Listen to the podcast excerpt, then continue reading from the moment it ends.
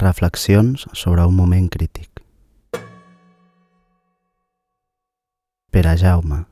Estem educats a créixer i ara hem de, de créixer, no? Llavors, clar, aquí hi ha una primera disfunció estranya perquè el peu ens estira a pujar i la terra fa baixada. Aquest és el primer conflicte, que és molt greu perquè és un conflicte físic, no és un conflicte gravitatori, és simplement posar els, els sentits en ordre i això porta un temps.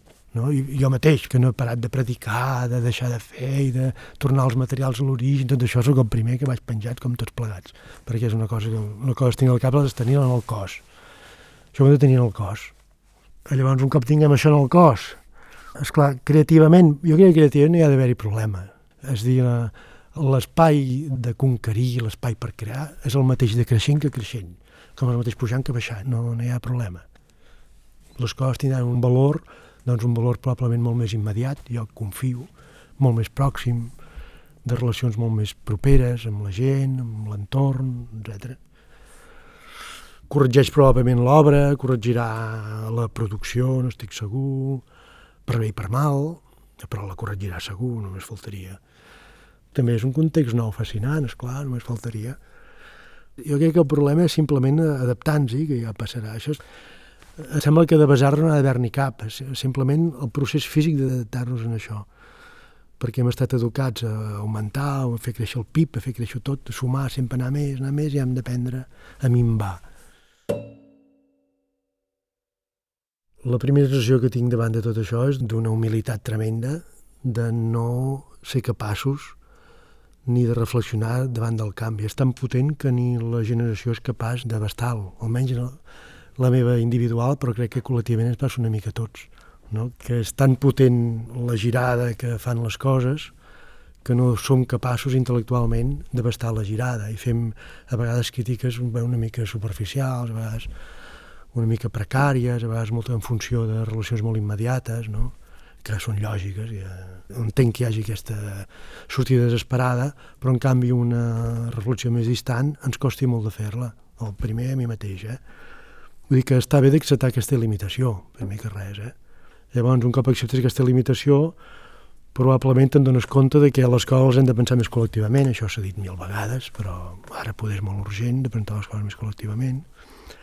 I llavors, com han de ser aquests col·lectius de pensament? Doncs aquests col·lectius han de tenir una certa humilitat de base, és a dir, un, generar un col·lectiu universal poder tindria poc interès. Tornem a aquests col·lectius molt locals, no? El que passa que això ho hem provat i aquests col·lectius són molt bonics quan l'arrencada d'aquests col·lectius, a segons quins llocs van més, més bé o més malament, però fins i tot així costa de perdurar en aquests col·lectius, saps?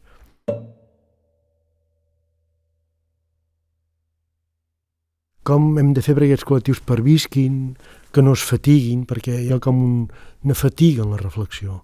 És això també és curiós, a vegades et trobes amb gent, sopem, xerrem, això, i quan acabem sempre parlem del meu, què m'ha portat de nou que hàgim dit ara que no haguessin dit el mateix als anys 70 en un sopar semblant. Eh? I les novetats són poquíssimes, en canvi el món ha canviat molt. Jo poder és el més preocupant en aquests moments.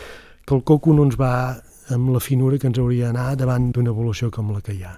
I llavors aquesta mena d'obstrucció la trobo en el capitalisme, evidentment, però la trobo també en les alternatives al capitalisme. Això és el que em provoca més neguit. Llavors, d'altra banda, simplement això és una lliçó d'humilitat brutal, vull dir que és una lliçó de veure que no formem més que part d'un engranatge i que costa molt de posicionar-se en una mena de mirada atalaiada que tingui sentit. Llavors, fem esforços per tenir aquesta visió una mica més despresa i rellisquem pel pendent i tornem a caure en un lloc comú. També és fascinant això, acceptar aquesta limitació és molt fascinant posa en quarantena molts discursos intel·lectuals que hi ha hagut i que hi han. Hi ha molta gent que la sento enronar i, i sembla que sentís una mallarenga, sobretot del discurs públic, no? Dius, ostres, què estan dient, no? Per això també parlo d'aquesta possibilitat de mirar de ser una mica més animistes tots. No?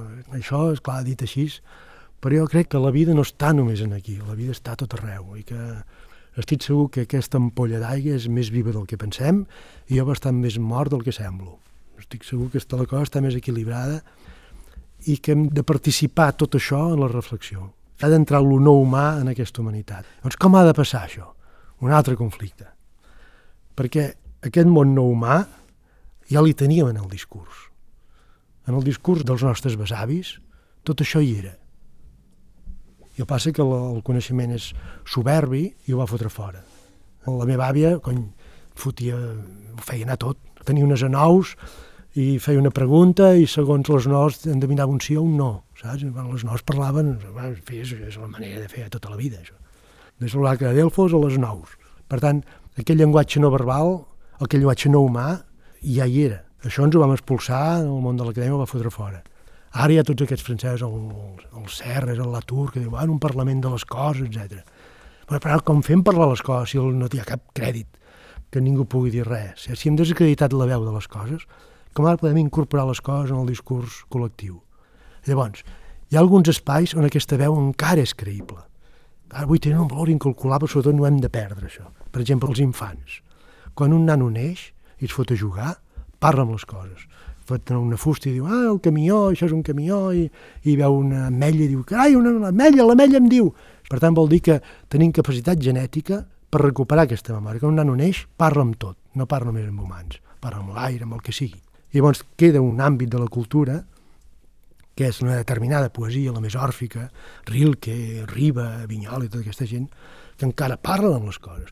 I tu llegeixes una cosa de Rilke i diu l'arbre es dreça i diu, i l'arbre diu trut, trut, trut, i tu no dius, carai, mira, l'arbre parla, i no et sembla estrany que l'arbre parli en un poema de Riba, saps? En canvi, si tu diu una persona poc dir, home, aquest que vagi a un que l'acabin d'arreglar. Vull dir que aquests espais on hi ha encara una possible veu d'allò no humà, ostres, són avui d'un valor extraordinari per fer entrar tot aquest material a la reflexió.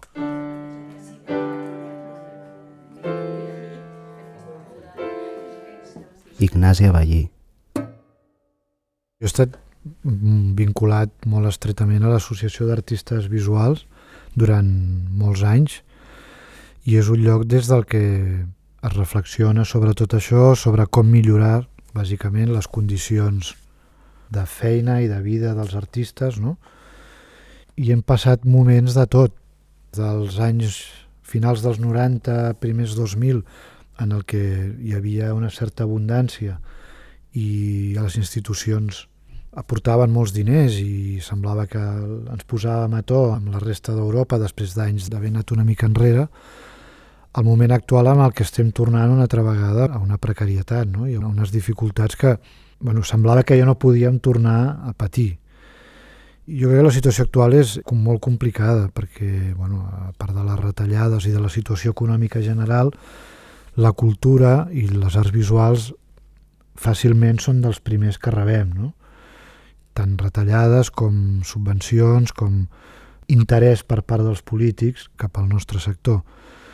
Crec que seria interessant incentivar la iniciativa privada, per una part, fomentar el col·leccionisme, fomentar que els particulars i les fundacions i les institucions privades tinguessin més facilitat per finançar i per esponsoritzar exposicions o subvencions o ajudes, en fi, el que fos, i ja que en aquest moment el públic sembla que està tan en, en crisi, no? doncs, bueno, que el testimoni el prengués el privat. Però durant aquests anys no s'ha fet res per ajudar que això sigui així. No hi ha una llei de mecenatge que estimuli que hi hagi el col·leccionisme, que hi hagi sponsorització, que hi hagi... En fi. Després, les pròpies condicions dels artistes aquí són molt precàries, no només a Catalunya, sinó a Espanya en general, no? La majoria no poden viure d'això, evidentment, no? Des de l'associació, per exemple, s'ha intentat lluitar, aportar idees, convèncer els polítics de que aquest és un sector interessant, que genera llocs de treball, que genera econòmicament beneficis, però bé, tot això ja sabem que entra per una orella i surt per l'altra i la majoria no estan per la labor. No? Si cadascú individualment anem a reivindicar, no aconseguirem res. Ara, si anem amb un document que signen mil persones, home, això els polítics ja els hi dona un cert respecte, no? I el, com a mínim t'escolten et faran cas o no, però et reben i jo penso que per això és important l'associació, no? perquè no és anar cadascú per separat, sinó que és dir, bueno, és que senyors, hi ha mil artistes que estan defensant una cosa i això no és una broma, no? I darrere d'aquest pes social els polítics doncs t'escolten i, i et tenen una mica més en compte que si anéssim cadascú per separat. Prevec que ens esperen uns temps de dificultat en el que haurem de deixar de banda doncs, coses que havien funcionat fins a aquest moment i treballar des d'una humilitat i des d'una precarietat que faci possible els projectes, però que els faci possibles i seguir tirant endavant, perquè el que no podem és parar, diguem, no? deixar de fer coses i crec que també és, és fonamental la, el sortir, o sigui, sortir a l'estranger, veure altres realitats, viatjar, intercanvis, demanar ajudes per anar fora, en fi, crec que també passaria per aquí una de les solucions, no? com de fet estan fent en altres sectors també. A veure, aquí estem molt acostumats a que el públic ho soluciona tot i ho, ho té que resoldre tot i potser ens hem de començar a acostumar que no, no és així que el públic o diguem, els governs han de tenir un pes i han de cobrir una part de la cultura que probablement mai cobreixi lo privat perquè no hi ha un benefici o no té uns interessos clarament associats, però bueno, jo com a artista procuro no demanar ajudes, ni beques, ni res, intento que els meus propis projectes siguin autosuficients i si no ho puc fer, doncs buscar la manera com fer-los. Però no està sempre pensant que el govern o l'Estat ens ho ha de solucionar tot tots paguem impostos i, i amb aquests diners s'han de generar coses i s'han d'arribar allà on no arriba ningú, tant en, no només en bar, sinó en tot, no?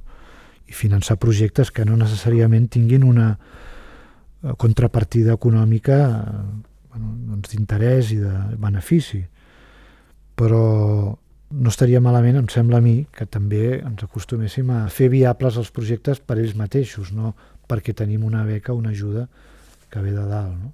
amb el que això suposa també de dependència i de no poder llavors fer segons quin tipus de crítica, perquè clar, estàs com atrapat no? amb una... Que això també és un tema que ens hem plantejat a l'associació. Clar, nosaltres també depenem de l'ajuda pública. Això no ens impedeix criticar, però en el fons estàs utilitzant uns diners que et donen aquells que estàs criticant, no? I no, no tens una llibertat total per dir el que voldries o fer el que voldries, no? quan fan els discursos bé que diuen que la creativitat, que les noves idees, que els, les noves tecnologies, tot això és el que ens donarà sortida a la crisi i el que, bueno, l'actiu més important que tenim i a l'hora de la veritat fan tot el contrari, no? que és intentar ofegar tota iniciativa i tota possibilitat de desenvolupament d'aquests sectors.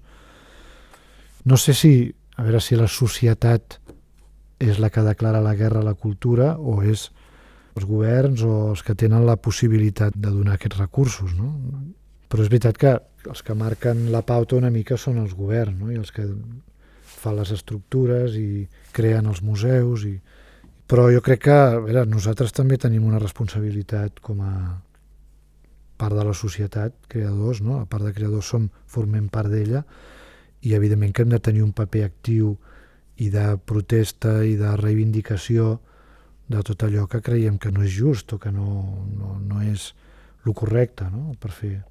Per tant, crec que sí que s'hauria de passar a l'acció i de ser molt més crític i reivindicatiu en aquest moment.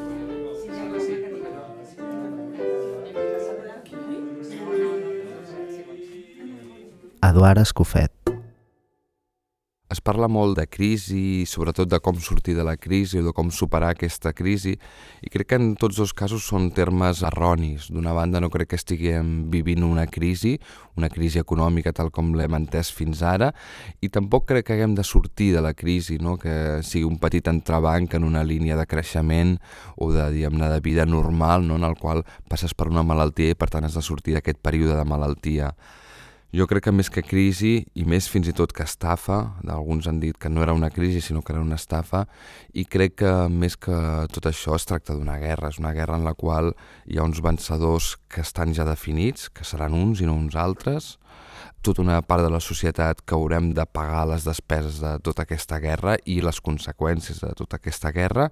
I en qualsevol cas cal esperar que la tranquil·la societat europea vagi deixant pas a una societat segurament molt més violenta. D'una manera o altra la violència que s'està exercint des del poder econòmic i polític ha d'emergir en algun moment i d'alguna manera dins la societat.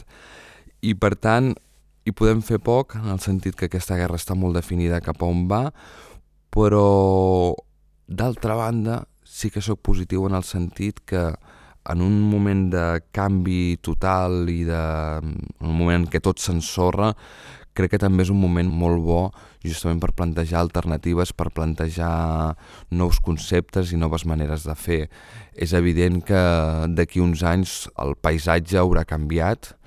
Curiosament, veníem d'uns anys de bonança en què el creixement semblava il·limitat, en què semblava que el paisatge no havia de canviar, que era una societat en la qual no havia de passar res i tot d'una o no tant tot d'una, però diguem-ne tot d'una, oficialment, doncs se'ns ha presentat aquesta anomenada crisi i dins d'aquest panorama és evident que tot canviarà, també la manera de fer cultura, la manera de fer negoci, la manera... tot. Segurament hi haurà tota una generacionalment, diguem-ne, hi haurà tota una part de la societat que quedarà fora. Amb tot això també té un pes important, jo diria que la societat de la informació, internet, totes les noves eines digitals, crec que amb tot això també estan creant un abisme important, ja no entre diferents grups socials, sinó entre diferents generacions. Tot això pot semblar molt apocalíptic, però per mi és relativament positiu, en el sentit que d'una banda és cert que queda molt clar el sistema econòmic en què vivim, cap on va, què vol i contra qui ataca, i per tant, diguem-ne, el llop que fins ara no es veia perquè hi havia una època de bonança, ara ja és visible. Molts ens hem passat anys assenyalant i criticant determinades dinàmiques econòmiques, socials i també culturals perquè creiem que no afavorien la societat, sinó que justament anaven a favor d'un sistema bastant pervers. Ara tot això queda al descobert i d'altra banda també sóc positiu perquè, com deia abans, en moments de canvi hi ha moltes possibilitats. Hi ha moltes possibilitats de fer emergir noves idees, nous conceptes, nous eh, grups socials. Diguem-ne que les possibilitats són moltes, no? sobretot venint d'un moment en què semblava que res havia de canviar. Crec que ara, sobretot els qui potser tenim més capacitat de transformació personal i social, doncs tenim al davant una gran oportunitat per dibuixar no sé si noves alternatives, però almenys sí models diferents de, en qüestions socials i també en qüestions culturals. En aquest sentit, hi ha hagut una tendència en els últims anys, arran de la crisi, sobretot des del món de les arts visuals, a equiparar l'artista o el creador amb l'activista social o, o polític, la qual cosa em sembla alguna cosa bastant perversa i que intento evitar molt. Una cosa és tenir un interès polític que el teu treball artístic, creatiu o fins i tot de gestió cultural tingui un rerefons polític. I una altra cosa és fer de l'activisme polític una obra d'art, que em sembla una qüestió bastant perversa i a banda de bastant bueno, que crec que entronca amb una idea social bastant poc progressista i més aviat tot el contrari, no? en el sentit que podríem dir des d'aquest punt de vista que hi ha activistes, els normals, que són els pringats, i els artistes, que són els que cobren per fer activisme polític. No? I per tant, eh, tota aquesta entrada de la política dins el món de la cultura s'hauria d'analitzar i de vegades hauríem de ser molt més crítics amb aquells que converteixen el pamflet en obra artística, i sobretot cobrant i sobretot tenint en compte que dins el món de les arts visuals afavoreixen un sistema de compra-venda d'obra d'art finançat pels mateixos que ens estan oferint aquesta guerra anomenada crisi i per tant sí que crec que l'artista i el creador ha de tenir una consciència política i social major, però això no vol dir que converteixi l'activisme polític en obra d'art. Crec que l'activisme polític ha de ser sempre anònim, justament potser hem delegat massa l'acció política en els polítics professionals i hem oblidat que la política es fa des del dia a dia, des de cada petit gest, no, no en el gest emmarcat, sinó en el gest quotidià. en general sempre m'ha interessat molt mirar-me la història i mirar-me el passat, sobretot no diguem-ne els, les dècades passades, sinó els segles passats, i això et permet de vegades tenir una visió general i de veure com funcionen els cicles dins de la història. I és evident que sempre que hi ha hagut moments de gran depressió o moments de gran violència, i diria que estem encara en la depressió, però estem a punt d'entrar en l'època de la violència, sempre hi ha grans canvis. I aquests canvis bàsicament són una regeneració. Quan el sistema arriba als seus màxims de desenvolupament, arriba un moment en què peta d'una manera o d'una altra, hi ha moltes víctimes pel mig, això és una evidència, però el que en ressorgeix acostuma a ser bastant interessant i en qualsevol cas planteja un paradigma bastant més, eh, diria, engrescador, no? és a dir, molt més interessant i segurament un nou escenari. En què es pot concretar això? És evident que en economia i en comunicació potser és on hi ha les majors evidències, perquè és evident que els models econòmics canviaran, que les grans empreses d'aquí 30 o 40 anys o 50 seran molt diferents de les que veiem ara. Els grans negocis que hem vist fins ara segurament alguns desapareixeran, d'altres no, moltes empreses tanquen però d'altres negocis estan tot just eh, naixent i aquí, diguem-ne, qui se'n sortirà seran aquells capaços de veure cap on vagi l'economia i cap on vagi l'intercanvi econòmic. En comunicació és també una evidència que tot està canviant, és a dir, la cultura del diari, de les revistes, del paper, està desapareixent, queden ara cossos agònics, diguem-ne, dels diferents diaris que tots diria que d'una manera o altra acabaran tancant i per tant establirem una altra manera de fer circular la informació. I en cultura crec que tot i que tinc menys clar cap on van les coses, però és evident que canviarà molt els rols tant dels museus o dels centres culturals com fins i tot dels festivals i sobretot la relació amb l'economia. No? És a dir, de fet, en concret, a la ciutat de Barcelona hem passat d'un model molt autogestionari d'arrel anàrquica o, o llibertària a un model purament subvencionat i això està desapareixent i per tant el suport públic a la cultura segurament es reformularà i haurem de veure cap on va. No? Segurament la cultura serà més una elecció personal com en, en un model com el dels Estats Units que no pas un dret assegurat per l'Estat com ha estat fins ara. No? I hi haurà d'haver molts canvis i segurament en el món de la creació i en el món dels creadors s'haurà de moure fitxa ràpidament no? i així com ha anat desapareixent l'obra d'art, l'objecte, s'haurà de veure amb què es trafica per entendre'ns. No? Si és només qüestions de conceptes, d'idees, de pensament o hi torna a haver d'una manera o altra un objecte, no? alguna cosa per intercanviar Potser sí que és cert que estem abandonant definitivament l'era de l'objecte, la civilització del paper, que deia Henri Chopin també, i per tant hem de veure cap on anem i quina relació amb l'economia pot tenir això, no? és a dir, com pot viure el creador o el sector artístic en els propers anys i dècades, però és evident que canviarà molt no? i que per tant si l'objecte està desapareixent, en música és evident, en, en arts visuals crec que cada vegada més, és dir, hi ha molt pocs artistes fan molts projectes però cada vegada fan menys obra. En poesia i en literatura, que és d'on vinc, també sembla que el llibre va desapareixent i per tant haurem d'establir un nou model de relació amb el públic, no? un nou model de relació que també permeti o bé el creador es pugui guanyar la vida amb aquella feina o bé que quedi molt clar que la creació artística és un luxe que un es pot permetre si té la vida solucionada. Amb el tema de l'objecte jo tinc una mirada una miqueta contradictòria. Jo sóc molt de l'objecte, és a dir, sóc molt col·leccionista de tota mena d'objectes, de llibres, de discos, i he viscut molt a prop dels objectes, no? I nosaltres, la nostra generació, encara hem estat com a cavall entre el món analògic i el món digital, i per tant encara podem concebre molt l'objecte. Però jo particularment, hi ha alguna sèrie de coses de les generacions que venen que em queden molt lluny i que no em puc imaginar. És dir, per mi la vinculació amb l'objecte, amb l'objecte llibre, disc, obra d'art, impressió, etc és evident, però no sé si serà evident, tan evident en les properes dècades, no? Per tant, sempre mantinc una ombra de dubte.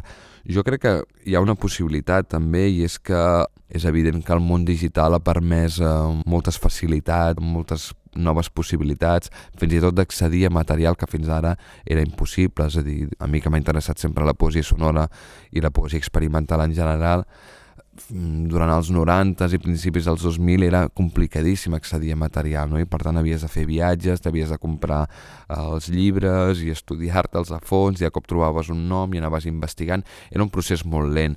Actualment un busca a internet qualsevol nom que li interessi i troba la informació, no? és a dir, troba no només la informació, sinó que els arxius sonors, els poemes visuals, en general un pot trobar fàcilment molt d'aquest material, cosa que, que abans era impossible. Però aquest mateix món digital també ha permès anar cap a una societat en la qual tot és gratuït, tot està a l'abast, hi ha molt per escollir, per tant no hi ha, diguem-ne, el mercat s'amplia abastament i alhora també el mercat cada vegada té menys, té menys necessitat de l'intercanvi de l'objecte i els diners. Si això es fa viable a llarg termini, és a dir, que d'una manera o altra la, els diners circulin per mantenir tot aquest ecosistema, cap problema. Però potser el problema estarà d'aquí uns anys en què hi haurà massa oferta però ningú disposat a pagar, no? i per tant l'economia s'haurà de buscar un nou equilibri. Dins d'aquest nou equilibri podria ser perfectament que l'objecte tornés a tenir un gran pes no? i que per tant la música o, o, o la literatura o les arts plàstiques tornin a passar per l'objecte. Però no necessàriament, també estem vivint un moment de, que per mi també és interessant perquè planteja un decreixement, no? un, la societat europea, ja no només parlo ni de Catalunya ni d'Espanya, és a dir, tota Europa va cap a un escenari en què econòmicament serà molt menys rellevant en el món i per tant Europa haurà de reequilibrar-se a la baixa, no? és a dir, i això que a priori per alguns economistes és eh, molt negatiu, per mi em sembla que planteja un paradigma molt positiu de decreixement, d'una societat molt més sostenible, una societat en què, de fet amb la crisi ja ho hem vist, com les emissions de contaminació cada vegada són més baixos i per tant l'escenari de crisi aporta també un decreixement general i un tornar cap a una societat amb menys luxes innecessaris. Haurem de veure, no? En qualsevol cas, jo crec que és un moment en què cal estar molt despert i cal estar disposat a canviar ràpidament i que segurament aniran quedant enrere, aniran quedant fora de joc totes aquelles estructures, persones o maneres de fer que es volen quedar enrocades. No? I per tant, jo sí que sempre quan identifico algú que es vol mantenir exactament igual a com estava abans, jo sé que aquella persona acabarà quedant fora de joc perquè és impossible. No? I per molts que alguns... Jo sóc molt fanàtic del llibre, de l'edició i dels discos també, però sé que el meu model no serà el model del futur, no? en tot cas serà un nostàlgic. I en aquest sentit també haurem de veure els centres culturals quin paper tindran.